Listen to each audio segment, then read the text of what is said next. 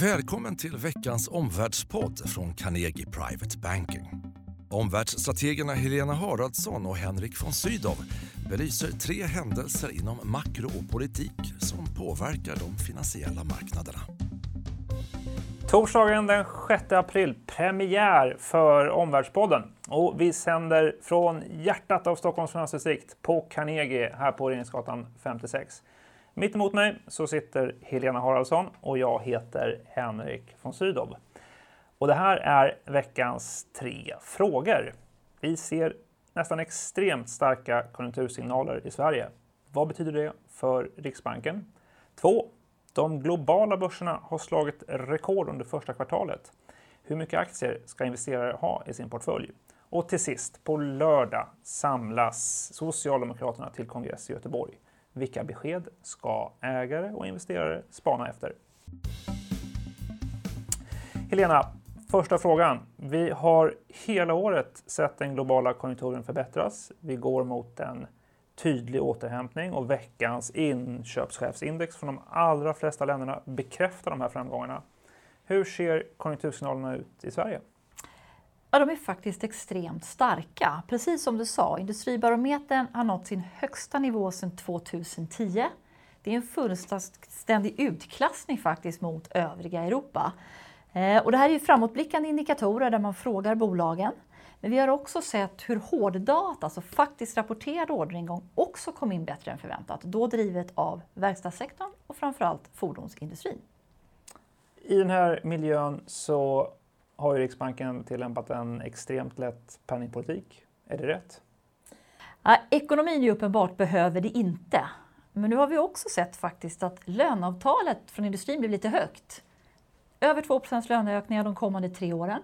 Senaste inflationssiffran nådde Riksbankens mål 2% Så de borde faktiskt av konjunktur och inflationsskäl skifta penningpolitiken under året. Samtidigt så pratar vi om en stark konjunktur här.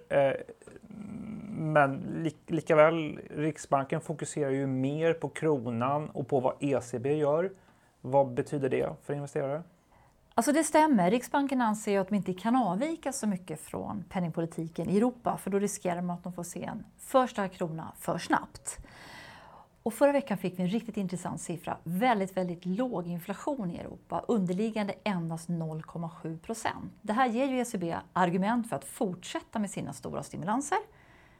Då kan inte Riksbanken avvika så mycket och då ska man inte heller förvänta sig en så snabb kronförstärkning. Så slutsatsen blir att Riksbanken bör skifta på grund av konjunktur och inflation, men den lätta penningpolitiken i Europa talar för att det dröjer. Nästa möte 27 april. Mm, tack för besked. Den andra frågan. Optimism också på börs, världens börser får man säga. Aktierna har ju ja. gått väldigt starkt hittills i år. USA-börsen upp hela 5 trots motgångar för Trumps reformer. Hur ser du på detta?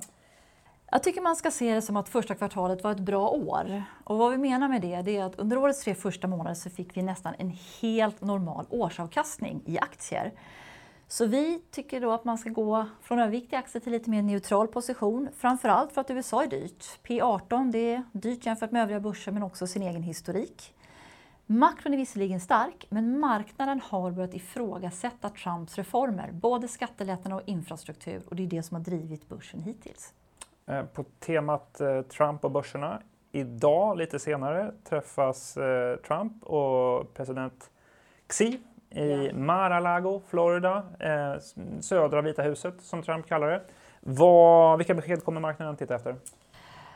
Ja, det är ju kommentarer kring Nordkorea som är en ett konfliktområde, men också handelsfrågorna som är det andra konfliktområdet. Och det är ju självklart att ökad konflikt skulle skrämma marknaden och vice versa då en mjukare ton skulle lugna.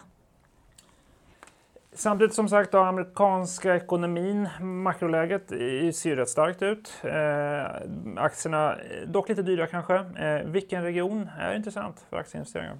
Ja, det är Europa. Europa har nämligen inte slagit nya rekordnivåer. Det har vi ju sett ske på Stockholmsbörsen, på New York-börsen. Och lite sådär så att nu är det Europas tur. Sen råkar det vara så också att det är låg värdering, P under 15 mot USAs 18, 16 i Sverige, konjunkturen är bra, ECB stimulerar. Men kanske det mest intressanta är att vi nu senaste tiden har sett ett tydliga, att flödena skiftar till Europa. både in i aktier men även när det gäller företagsaffärer. Mycket starkare trend in i Europa än i USA. Många oroar sig för valen, framförallt det franska. Vi vet sedan Brexit och Trump att man kan inte riktigt lita på de här opinionsundersökningarna. Men ur vårt perspektiv, får vi turbulens kring franska valen så kan det bli ett köpläge.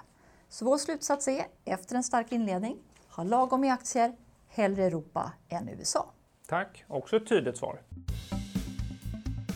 Och nu har vi pratat fransk politik lite grann, Henrik. Jag tänkte vi skulle byta till svensk. Socialdemokraterna har partikongress som börjar i helgen. Vad ska man hålla utkik efter? Finansministern pratar på måndag klockan 08.30. Hon har till och med ett pressmöte 08.00 så det kan ju verkligen bli en start på veckan där. Titta efter signaler eller meddelanden eller indikeringar eller motiveringar för en faktiskt mer expansiv finanspolitik. Eh, ekonomin går ju jättestarkt i Sverige, skatteintäkterna flödar in för finansministern. Jag tror att hon av politiskt strategiska skäl vill skapa ett utrymme att nu faktiskt satsa och prata om satsningarna i budgeten. Då undrar man ju, vilka områden kan det bli Henrik? Ja, titta på eh, designen eller profilen på offentliga satsningar och då på offentlig konsumtion. Det kommer vara en udda kombination skulle jag gissa. Eh, mm. Både traditionell eh, vård, skola och omsorg men också eh, ökade anslag till eh, militären, till försvaret eller egentligen inre och yttre säkerhet, kanske också polisen. Det blir både mer, både mer händer i vården och mer kängor på marken för militärerna. Ah, satsningar, uppenbart. Titta också på om de eh, indikerar ökade satsningar på försvaret. Vilken profil får det?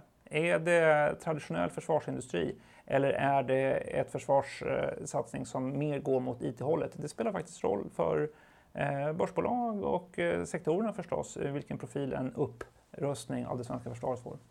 Absolut. Både storlek och profil på satsningar blir intressant. En annan het fråga Henrik har ju varit vinster i välfärdssektorn. Vad ska investerare men också ägare spana efter i den frågan? Alla som äger aktier i Attendo, Capio, Academedia, eh, de andra välfärdsbolagen har ju skäl att följa vad, vilket beslut Socialdemokraterna fast, eh, fattar om vinstreglering i välfärdssektorn. Eh, det lär bli en eh, debatt och diskussion om detta. Man lär fatta ett beslut som är mer långtgående än vad socialdemokratiska partiledningen och Stefan Löfven vill. Eh, kolla på beslutet, kolla på debatten, kolla kanske faktiskt också på röstsiffrorna eh, som säger någonting om vilken efterfrågan som finns i det socialdemokratiska partiet på detta. Ja, eh, idag då så har vi talat om först att Riksbanken bör lämna sin lätta penningpolitik men att det kan dröja. Två, ha lagom med aktier, hellre Europa än USA.